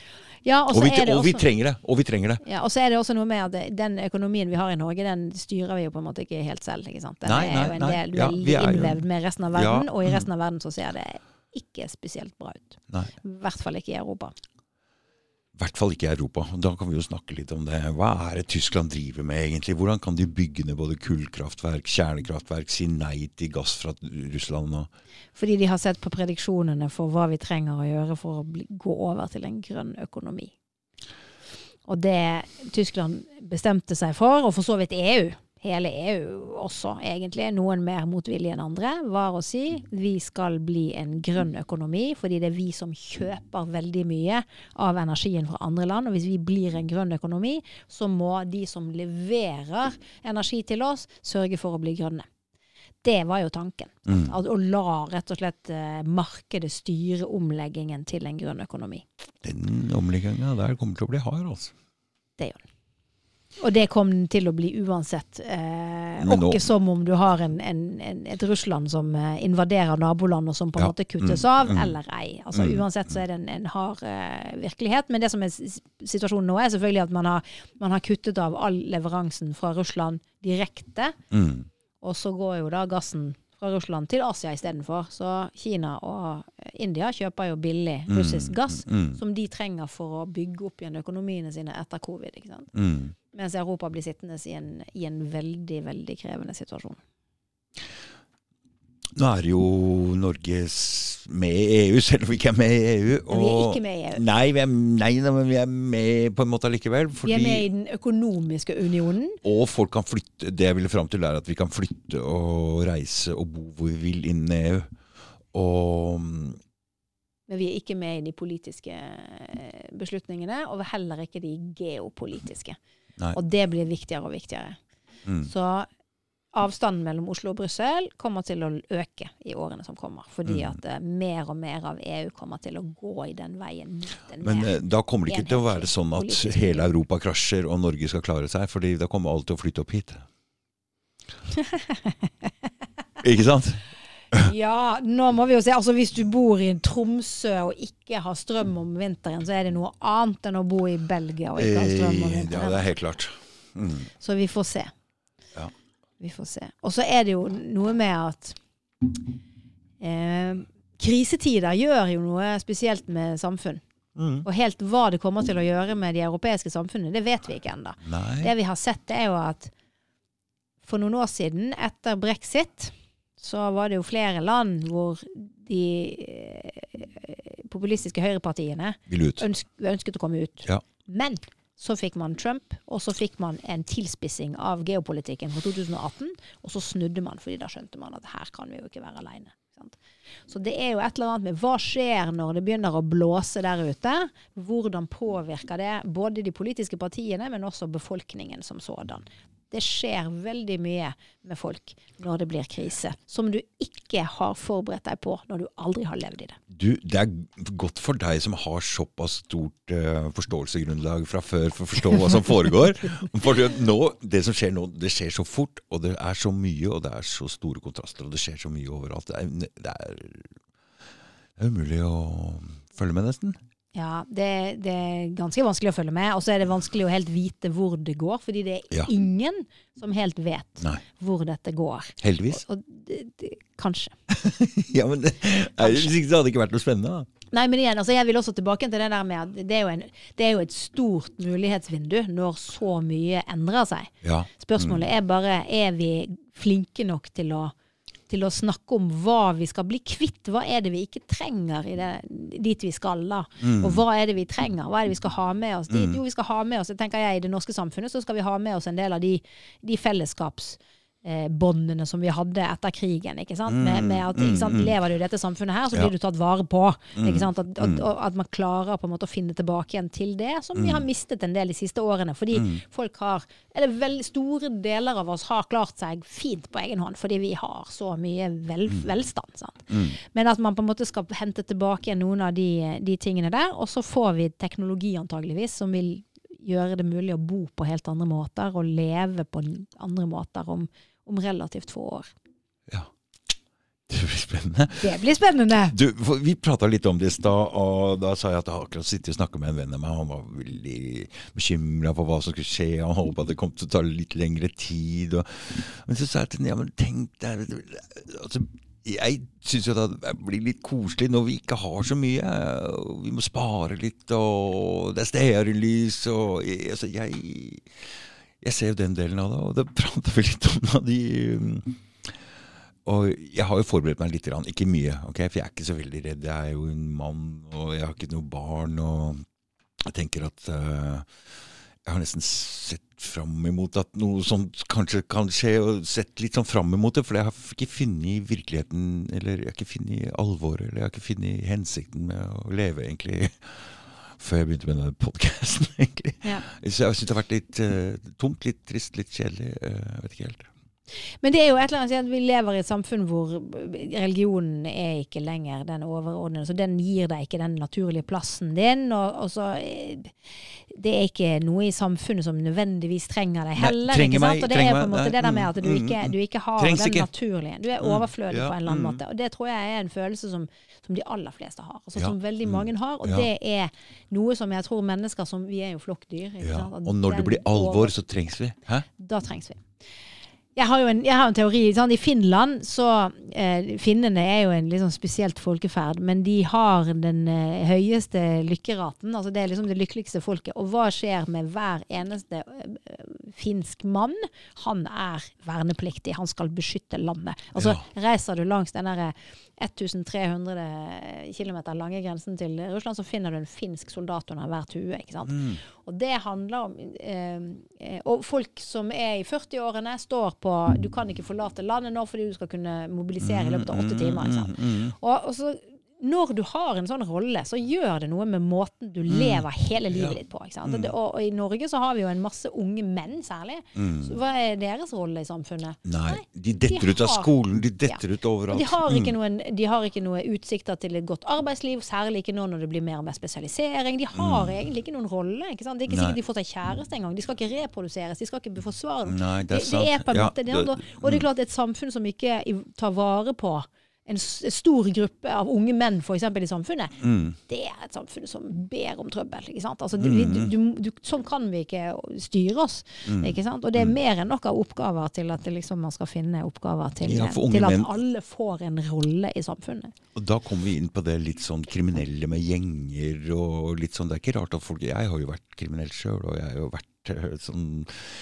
Så jeg skjønner jo godt hvorfor de går der. Og da kommer vi inn på noe annet her òg. Legaliseringa av eh, stoff og det greiene der. Jeg veit ikke om du Altså, jeg mener Så lenge det er så mye penger i den hasjen, f.eks., og det ikke er noe annen plass for menn og unge gutter, så er det trekkplaster uten like. Det er spenning, det er penger, det er damer og biler og Jeg må få det bort.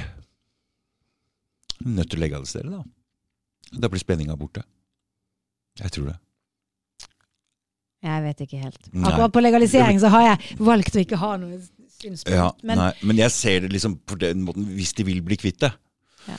Og det er jo en og Jeg hadde innom en som er sånn ruspolitisk engasjert òg. Han begynner å si at uh, Iran kontra sånn der Oliver North, og at de virkelig brukte penger fra det Hadde det ikke vært eh, ulovlig narkotika på den tiden, så hadde de ikke kunnet skaffe all den altså Det har vært årsak til mye krig, det er årsak til mye lidelse og drap og hva da faen.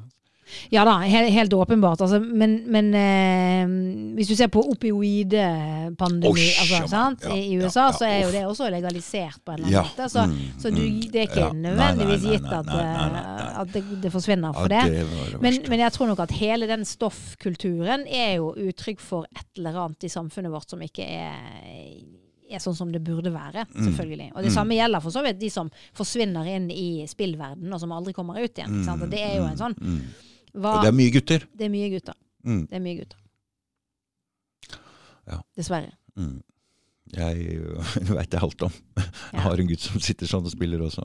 Ja, og dette her, det, det er et kjempestort problem. Jeg har tre unge gutter, og, Mm. og det, det er klart Før pandemien var vi veldig veldig strenge med skjerm. Mm. Men når, du, når pandemien kom, og alle Mm. fritidsaktiviteter ble nedlagt, og de ble sittende hjemme, og de fikk ikke gå ut, ikke sant? så det er Mm. klart, da må du aktivisere, og da blir det jo på en måte Så jeg tror nok at denne spill, spillvirkeligheten har bredd seg ut i veldig mange flere miljø etter, etter pandemien. Det, Mm. det tror jeg nok. Men, men så er spørsmålet hva er langtidseffekten av det? ikke sant? Mm.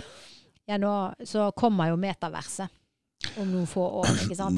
Bare Jeg ser Facebook driver og blafrer om du kan bo der inne og kjøpe ting og Ja, ikke sant? Hvor du tar på deg VR-briller. Snart så kan du Ja. gå på konferanser på andre siden av jorden. ikke sant? Du bare Ja, går inn på et rom, og så tar du på deg det, og så går du rundt der. Og, Mm. og etter hvert som den teknologien utvikler seg, så, så, så er det klart det, det kommer jo fra spillverden til en Ja viss grad, men Mm. så smelter jo dette sammen med sant? Og, og hvor store deler av livet skal man leve der inne? Og hvor store deler av livet skal Du- vi leve her ute? ikke sant? Det, Det- blir noen sånne store s- filosofiske utfordringer, egentlig. ikke sant? Ja, for det, vi, vi, hvis jeg skal forstå altså, La oss si jeg har en del problemer i forhold og mellom mann og dame, og vi skal forstå liksom, instinkter og sånn, så må jeg nesten gå tusen år tilbake og tenke hvordan var det i landsbyen? Ja. Hvorfor er vi sånn som vi er? Hvorfor er damer sånn som de er, og hvorfor er menn sånn? Og, og vi er jo ikke helt så Vi har jo disse instinktene ennå. ikke sant? Så, så å leve inne på nettet der, det er ikke et fullverdig greie i det hele tatt. Jeg måtte faktisk møte masse andre mennesker for å få Når, når covid Det var bare Det var jo bare der inne. Så jeg trengte å snakke med ordentlige folk. Det skjedde noe rart, noe magisk med meg altså, når jeg møtte masse andre mennesker. Ja, fordi jeg tror også det, den, den digitale på en måte, kommunikasjonen vi har Hvis det er folk du kjenner godt, Mm. så kan det på en måte kanskje gjøre det. Det men, men med ukjente eller med folk flest, det går jo ikke. Jeg merker jeg har hatt drøssevis av møter med folk. Jeg har Mm. kanskje møtt dem fire-fem ganger Mm. i sånne lange digitale møter. Ja. Når jeg møter dem for første gang, jeg aner ikke at jeg kjenner dem. Jeg aner ikke at jeg kjenner dem. Og så Mm, merker jeg også det at hjernen tar ikke, absorberer ikke informasjon på samme måten når du sitter i et sånt digitalmøte. møte. Jeg Mm. husker mye mer igjen av den samtalen vi har hatt her, oh, enn hvis du, vi hadde Ja. sittet på, på Du, en digital digitalt så sted. jeg, hele tida, så folk vil ikke ha sånn podkast med Nei, nei, det vil jeg Nei. ikke ha. Fordi min opplevelse her av podkasten er gjerne hvor gode venner blir vi, eller hva slags god kjemi har vi? Det er det som jeg sitter igjen med av følelser sjøl. Jeg veit ikke hva andre som sitter og hører på, sitter igjen med, hva de sitter igjen med, men det er liksom min Å, det var bra podkast, tenkte jeg. Jeg ble venn med henne, eller jeg liker henne, eller han, eller Eller det, det, det kommer et eller annet ut av det Ja, møtet mellom ja, oss da, ja, som ikke ville vært det samme som å sitte på skjerm. fordi da sitter du og så ser du også deg selv. Så du sitter egentlig som om du satt i et speil. ikke sant? Og det Mm. er jo da er det bare dine ting som kommer, som går mot den skjermen. Mm. Og du får ikke eh, noe tilbake. Nei, og, og, og det var det, For å spinne litt tilbake igjen til det der med samtaler og sånn, for jeg har jo tenkt en del igjennom hva er egentlig en samtale, og hva er det som driver energien i en samtale. og Jeg har jo vært helt oppgitt over noen her. Jeg tenkte det, det, det går ikke. Og så Du får det ikke til å. Nei, men, men så sitter vi oss her, og så blir det en kjempegod samtale allikevel. Og da har jeg bare tenkt at du må ikke tenke noe særlig på det der. For at uh, når vi kommer ned her, så, så blir det en det, det lever sin egen det, det har sin egen energi. Og det, men samtaler er noe magisk, og det er, det er viktig. Ja. Og, og så, så lite vi har av det i samfunnet ellers. Når den forstyrrende telefonen er der, alle møblene i stua er retta mot TV-en, som ofte står på. Den, ikke sant? Det mangler. Jeg måtte ha broren min her på podkast. Vi blir mye bedre venner etterpå. ok? Vi fikk en ordentlig samtale. Så det er noe spesielt når man sitter sånn og prater altså, Nå prater vi om geopolitikk, men nå, nå begynner det å bli litt personlig også. Ja, nei, men, men, det er også det der med at alle typer samtaler, egentlig, om du snakker om geopolitikk eller om du snakker om veldig personlige ting, mm. så er det noe helt annet å være ansikt til ansikt. Mm. Jeg, har, jeg merker det. Jeg begynner å bli mer og mer kritisk og selektiv med når jeg aksepterer sånne digitale møter. Fordi skal man ha kvalitetsdiskusjoner eller kvalitets samvær, mm. eller en samtale helt sånn generelt, mm. så må det egentlig skje live, altså. Så jeg er veldig for å møtes eh, Ikke sant. Jeg mer også, og mer. sa etter deg stad også, det, jeg er jo sjåfør. Sånn lastebilsjåfør. så jeg kunne aldri tenkt meg å sitte hele dagen i den bilen aleine. Jeg har gjort det, men ikke kjørt lange greier og sånn. Men det var da jeg begynte å høre litt på podkast, forresten. For radioen er helt håpløst. Det er ti sanger, og så er det nytt og ikke noe interessant. Så jeg tenkte kanskje jeg kan lære noe samtidig, så kan jeg velge temaet sjøl. Så det syns jeg var eh, ålreit med podkast. Det er jo et spørsmål. Sant? Det er såpass mange i vårt samfunn nå som lever alene. Og ja. det er kjempefint å leve alene. Hvis du har god råd, så kan du reise litt dit, og så kan du være med venner, og så er du frisk. Mm. Og så kan du styre livet ditt. Mm. Men det er jo i noen år. Mm. Og så kommer det Det er jo en tid før, og så er det jo også en tid etterpå. ikke sant? Og det er jo noe med det er jo, det er jo når man ikke er på sitt sterkeste, at man kanskje først og fremst trenger andre mennesker. Mm. Og det at man på en måte skal sitte som sånne ja, øh, mennesker som lever i sine store, fine enmannsleiligheter mm. rundt om.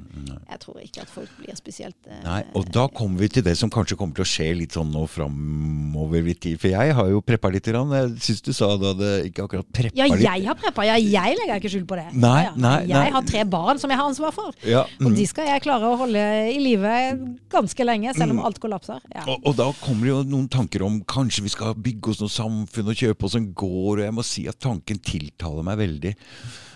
Jeg vil gjerne ha et eget sted å krype inn og være aleine, for det trenger jeg alltid, det veit jeg. Men å ha folk rundt seg og, som en slags samfunn ja. For det er jo ikke det her. Det ikke, selv om jeg bor i denne gata, jeg kjenner det, så er jo ikke noe samfunn i den forstand som vi trenger hverandre.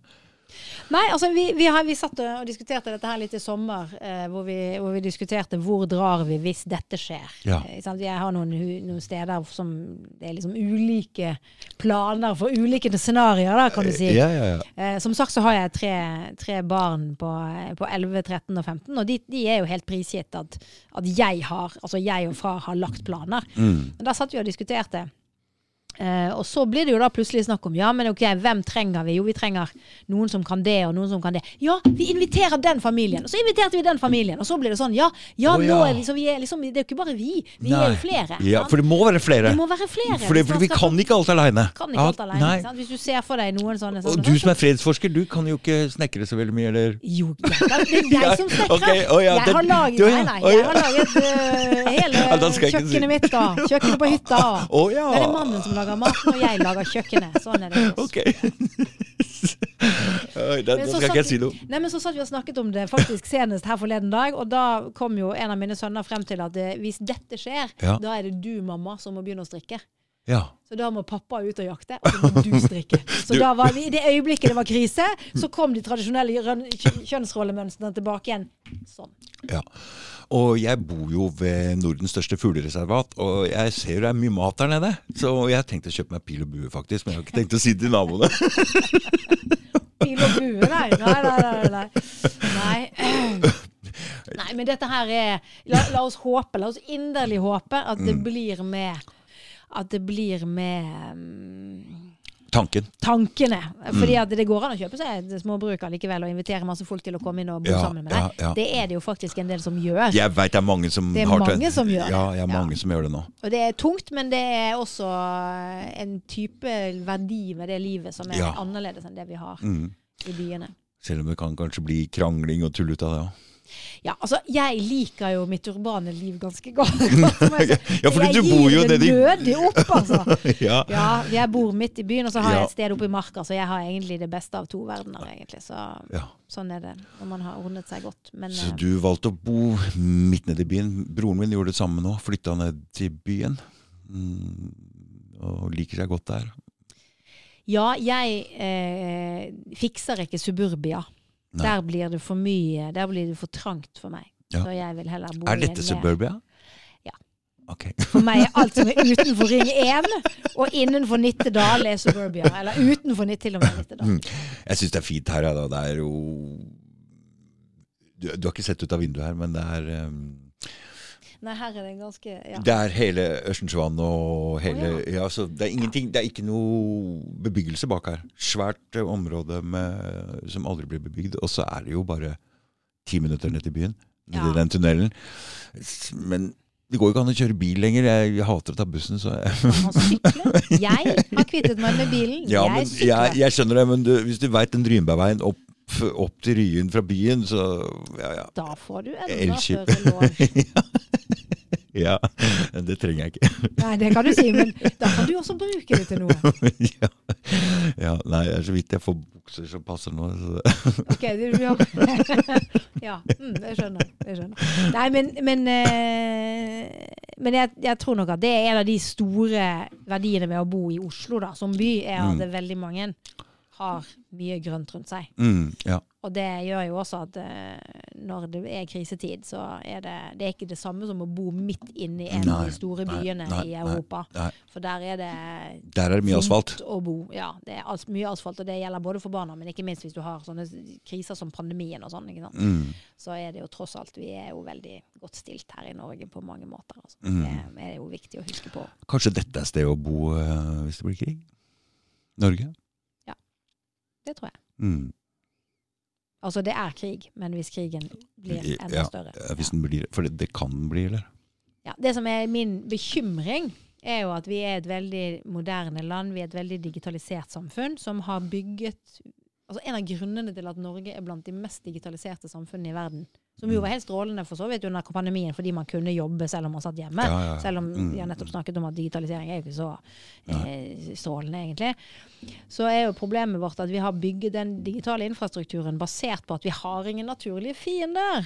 Det er jo Mm. ingen som vil oss vondt. Nei. Og så kommer vi nå i en situasjon hvor det kan hende at det er stater eller statlige aktører som vil bruke Norge på andre måter, som postkasse eller ikke sant, for å signalere andre ting. Mm.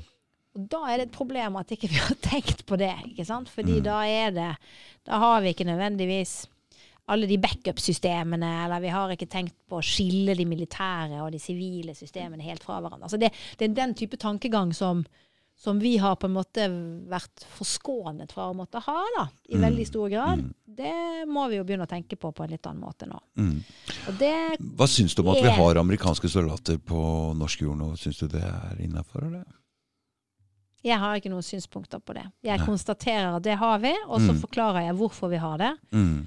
Og så kan på en måte folk tenke hva de vil. Det, Fordi dette har jo vært en diskusjon Før var jo dette stor diskusjon, men nå er det plutselig bare blitt sånn uten, Ja, blitt at, vi har sånn. ta, uten at vi har snakka noe om det. er jo litt uh, Ja.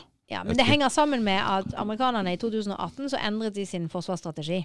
Mm. Dette skjedde under Trump, og det ble ikke så mye på en måte snakket om det fordi han holdt på med sitt twitratur. ikke sant? Twitratur? Twitraturen til Trump. Ja. Hvor han fikk pressen til å løpe akkurat dit han ville, mens han ordnet en masse ting liksom bak i kroken. ja. Men, men da kom den nye forsvarsstrategien, og den gikk ut på at amerikanerne skulle reforhandle mange av partnerskapene sine rundt om i verden. Og det ja, har de kjefta på Tyskland, f.eks. litt. At de ikke, Ja, nei, ja, de, det gjorde de for så vidt, men, men de har reforhandlet mange. De fikk bl.a. en ny eh, forsvarsavtale med, med Ukraina i november i fjor. Å ja. Ja, og så fikk de jo en med Norge, og så fikk de jo en med Australia, ikke sant? hvor denne AUKUS, dette samarbeidet med britene og Australia og USA, som gjør at Australia har fått atomdrevne ubåter, ikke sant? som kan gå liksom under eh, i, i Stillehavet og passe på kineserne. Mm. Og, og denne form for avtaler har amerikanerne gjort med mange land, også Norge. Så den avtalen som vi har fått med amerikanerne nå, var det amerikanerne som tok initiativ til etter at de la frem denne nye strategien Mm. sin. Og det handler om at amerikanerne vil ha mer muligheter for å ha baser rundt om i verden på strategiske steder. Mm. Og for Norge så er det jo en fordel fordi at vi ser for oss et mer aggressivt Russland. Mm. Og for amerikanerne så er det ikke sikkert at det er Russland det handler om. Nei. Det handler nok antageligvis mer om Kina. Ja, veldig mye av det amerikanerne gjør, gjør de som følge av å på en måte posisjonere seg i forhold til Kina. Ja, jeg merka det um, i 2020 at det kom hele tida mot Kina. Først var det Huawei, så var det Kina som hadde lagd Og Fauci og Kina som hadde lagd virus. Og det var stadig noe med Kina. Det har vært litt roligere nå. Men Nei, det har det ikke. Det er bare fordi at vi har ikke sett så mye på det. De siste månedene så har sanksjonsregimet til amerikanerne mot kineserne tatt seg opp ganske dramatisk. ja, og da kommer Taiwan inn i bildet. Kan du noe om det der? Ja, altså Taiwan er jo eh, Taiwan er jo en litt sånn komplisert sak, men eh, For Taiwan er jo egentlig en del av Kina, men så har det på en måte selvstendighet allikevel. ikke sant? Og det er jo et demokratisk samfunn, et veldig demokratisk samfunn. Samtidig så produseres 92% av disse halvlederne Det har jeg hørt òg. 92% av halvlederne i Hva er en halvleder? Nei, det er sånne komponenter som du trenger for chipen. Så du trenger det for veldig mange teknologiske Hvorfor er det bare Taiwan som driver og produserer det så mye av det? for, det Er er det fordi at de har, jo, de har jo opphavsretten og patenten, og har jo da sørget for å få eh, la produksjonsenheten være på Taiwan. Og hvis de oppgir det nå, så Mm. frykter de jo at amerikanerne kommer til å være ikke fullt så interessert i å beskytte dem. Riktig. Så nå er jo det en måte Taiwan på en måte beskytter seg selv Mm. overfor Kina. Men så har du kineserne som nå har sagt at hvis det sanksjonsregimet som har blitt innført overfor Russland etter krigen, blir innført overfor Kina, så kommer kineserne til å nasjonalisere disse bedriftene på Taiwan. Og det er klart at det, det kommer ikke til å bli akseptert. Nei. Så det er, det er for så vidt mange Oh veier oh til eskalering. For, fordi du la ut noe på Facebook her for en, under en uke siden. Ja, de følger på meg. ja jeg bruker det som en sånn Dette her er nyheter som ikke du plukker opp i avisene. Og så da det- sa dette- du liksom Hvis det blir en uh, atomvåpenkrig, så titt litt her. Ja. For det er alvor. Det er alvor. Ja, Mm. det er alvor. Eller det, atomvåpenkrig, den tror jeg ikke vi skal snakke om. Den tror jeg ikke jeg har snakket om der, tror jeg. Men, men det, det, det er alvor, altså. Mm. Det er alvor, det som skjer på, på Taiwan. Og det kan eskalere. Mm. Så, og og det, jeg tror nok at den store risikoen for en skikkelig eskalering kanskje ligger i relasjonen mellom Kina og, og USA. Mm. og ikke mellom Russland og noen andre. For Russland har bevist nå til gangs at de er en regional stormakt, ingen global stormakt. Mm. Men Norge er jo da nabo til denne regionale stormakten. Det er Mm. jo en litt ut, utfordrende posisjon som vi ikke helt vet hvordan kommer til å bli. Men vi kan ikke sånn uten videre tenke at russerne har aldri vært aggressive mot Norge. Så derfor så kan vi på en måte tenke at sånn skal det bli de neste 100 årene også. Det er nok Ja, men har de kapasitet til å Mulighet til å gå altså de, Jeg tror de sliter jo med disse fire republi nye republikkene i, i Ukraina. Det er på land. Det er landkrig.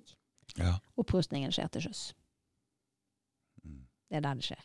Det er der uh, kineserne ruster opp til sjøs. Opprustning skjer til sjøs. Ja, det skjer Mm. til sjøs. Og Mm. det er klart, hvis du, hvis du får en situasjon hvor russerne blir mer blokkert i Svartehavet, Mm. Og så blir jo Østersjøen en Nato-sjø, Mm. da er det mange av vannveiene til russerne som ender oppe i Barentshavet. Mm. Og så har du jo også den store Ja, for dette her På eh, Kolahalvøya så har jo mm. russerne sin store base. Så det er klart, da blir det mer press i norske nærområder. Til sjøs. Ja, det- Ikke, ikke på land. Land er ikke så viktig, men til sjøs. Nei, for vannveier har vel egentlig vært det mest sen- viktigste å ha kontroll over hele veien. Ja, historisk så har det det. Ja, du ser er alle byer, alle byer, alle land må ha liksom tilgang til Alle byer i Norge ligger jo en stor elv eller ved kysten. Det har jo vært tradisjonelt. Og England har jo hatt ganske god kontroll Ja, og så var det det at. Og så, og så var det det at da Trump begynte å presse Iran i 2018 Han Mm. gikk fra Iran-avtalen og begynte å kaste kastet egentlig Iran ut i liksom, eh, i avgrunnen på sanksjonsregimet. Mm. Da benyttet russerne anledningen til å få fremforhandlet en avtale med iranerne som gjorde at Iran og Russland har kontroll over Kaspiahavet. Mm. De har fått kastet Mm. ut de kineserne og alle Å, ja. og alle andre. Mm. Det gir egentlig Russland og Iran kontroll fra Arktis og ned til Persiabukta. Okay. Eller ned til det ikke sant, Mm, Indiske hav. Og da trenger russerne også å få ting inn og ut fra Kaspiahavet, og det gjør de jo via Svartehavet. Mm. Via Azovhavet, Mm. som de nå har på en måte gjort til indre farvann. Mm. Og så i tillegg så Ja, de gir ikke fra seg Krim. snakk. Nei, nei. Og så har du også en, en avtale med India og Iran og Russland som skal lage en alternativ trasé til Suezkanalen, som skal redusere da, ti, dagene det tar å frakte varer fra Asia til Europa, fra 45 til 23. Hvor skal den lages? Nei, det skal gå, nei, den er øyeblikk ferdig. Det er en sånn nord-sør-korridor som går gjennom fra India Mm. til Shabhar, opp gjennom eh, Iran, eh, til Kaspiahavet, Mm. og så over. Og det er klart det er også veldig fint at den da kan gå ut i Svartehavet. Mm. Dette her er ting som nå står på, sant? og det gjør også at det, det, det er mange skal vi si, strategiske interesser russerne har i å ha godt, god kontroll Mm. i, det, i det området i sør. Så ja, vi får se hva som skjer. Å, dette skulle jeg gjerne sett tegne på kartet og alt mulig. Ja. Men, eh, men, men poenget er jo at geopolitikken er tilbake igjen. Man må Ja. også se på hvor ligger land, hvor er det ressurser, hvordan transporteres de, hvem har kontroll på de transportrutene. Mm. For, og særlig sånn hvis vi snakker om at vi går fra liksom the age of abundance Mm. og beveger oss over i en tid hvor det er mindre overflod, Mm. så er det klart det å ha tilgang på ressurser eh, i hele pyramiden, egentlig, Mm. eh, blir viktigere og viktigere. Det var naivt av Norge å tro at vi kunne være utenfor annen verdenskrig med den kysten der. Det tror jeg vi kan si. Vår, vår geografi uh, will come back to haunt us. Yes. Ja, for den er viktig. Den er veldig viktig. Også med, med at det, det smelter jo i nord, ikke sant? Mm. Og det blir mer og mer eh, frakt, og det blir mer og mer trafikk. Mm. Og så blir det mer og mer utnyttelse av havbunnen, fordi vi har fått teknologi til å gjøre det. Ja, for det ligger masse mineraler og masse verdier på havbunnen. Ja, og Norge har jo enorme områder som vi forvalter Mm. i den økonomiske sonen. Der har jeg sett Norge. Jeg har alltid vært imponert over at de klarer Du vet når du skal kappe land når du er liten. Du strekker deg så langt du kan eh, og sier 'det er mitt land'. Ja. De har tatt veldig mye hav. Den lille tynne stripa. Jeg har syv ganger så stort havareal som vi har landet. Ja. Det er helt latterlig. Men det som er situasjonen nå, er jo at hvis du ser på, hvis du ser på Russlands eh, havområder, Ja, det, og, ja, mm, sant? og så ligger jo de norske opp mot Russland sine, mm, mm. så er det jo det buffer frem til du kommer ned til resten av Europa. Så det er jo på en måte vi som er porten til russerne da, sånn, Mm, mm, til sjøs. mm. Eller økonomisk sone. Det, jo ikke- det er jo ikke suverent norsk territorium, men det er liksom vi som forvalter det. Og det er vi som ønsker å redde havet i disse områdene. Så vi ønsker å forvalte disse områdene på en bærekraftig måte. Og det er jo tross alt en veldig legitim Ja, med den militærstyrken vi har i ryggen, så eh, skjønner jeg at vi må hente hjelp noe sted for å få til noe av det der. Så Men noen ganger, noen ganger så, så er det jo også en fordel å ha et lavt skal vi si, militært eh, og, og ikke slå så høyt heller. Fordi hvis vi først skal slå høyt, så er det klart Da må vi slå høyt. Da må vi slå så høyt at eh, Det klarer vi ikke. Hvordan vi skal klare det, mm, det, nei, nei, nei, ja, det er også en del av virkeligheten her. Ikke sant? Mm, Hvem, hvem skal vi være oppi dette? mm. Sant? Er det en telefon som ligger og piper og snakker sånn? Det er min. Er den din, ja? Nei, det kan ikke være min. Det er det er- den. Fordi at jeg har skrudd min av. Det er Børge sin telefon, han Ja. Eh, Nå er vi ferdige snart! ja, ja, vi er jo det. Er vi det var det? veldig Ja, det var en mm, fin mm, runde. Mm, mm. Ja, men da er vi ferdige, da. Tusen takk for at jeg fikk komme. Tusen takk for at du Det var kom, helt Cecilie. strålende. Ja. Ha det. Ha det bra.